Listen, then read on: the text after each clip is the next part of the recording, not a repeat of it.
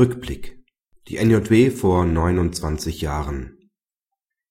Nach den ersten Studentenunruhen setzten die RAF-Mitglieder der ersten Generation Gudrun Ensslin, Andreas Baader, Torvald Proll und Horst Söhnlein im April 1968 zum großen militanten Schlag an. Als Protestaktion gegen den Vietnamkrieg legten sie Sprengsätze in zwei Frankfurter Kaufhäuser nicht nur in diesem Prozess, der am 14.10.1968, also vor fast genau 40 Jahren stattfand, sollte sich zeigen, dass die RAF-Mitglieder die Justiz vor große Schwierigkeiten stellten. So wurden die Verfahren bei Missachtung der Prozessleitung regelmäßig zu eigenen Happenings ausgestaltet.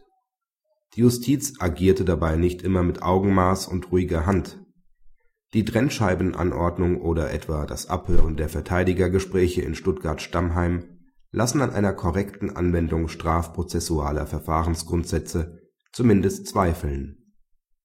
In der aktuellen NJW begrüßt Matthias Jahn ab Seite 3197 die nüchterne Unaufgeregtheit und Klarheit der aktuellen BGH-Beschlüsse zum Umgang des Gerichts mit der zweiten Generation der RAF und nimmt gerade dieses zum Anlass für seinen Kommentar.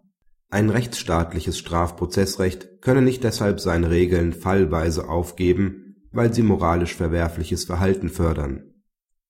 Dass in der Vergangenheit überwiegend rechtsstaatliche Grundsätze bei Verfahren mit Terroristen gewahrt wurden, beweist die Entscheidung des OLG Stuttgart vom 1.6.1979, die als Leitsatz in der NJW von vor 29 Jahren abgedruckt ist Seite 2260).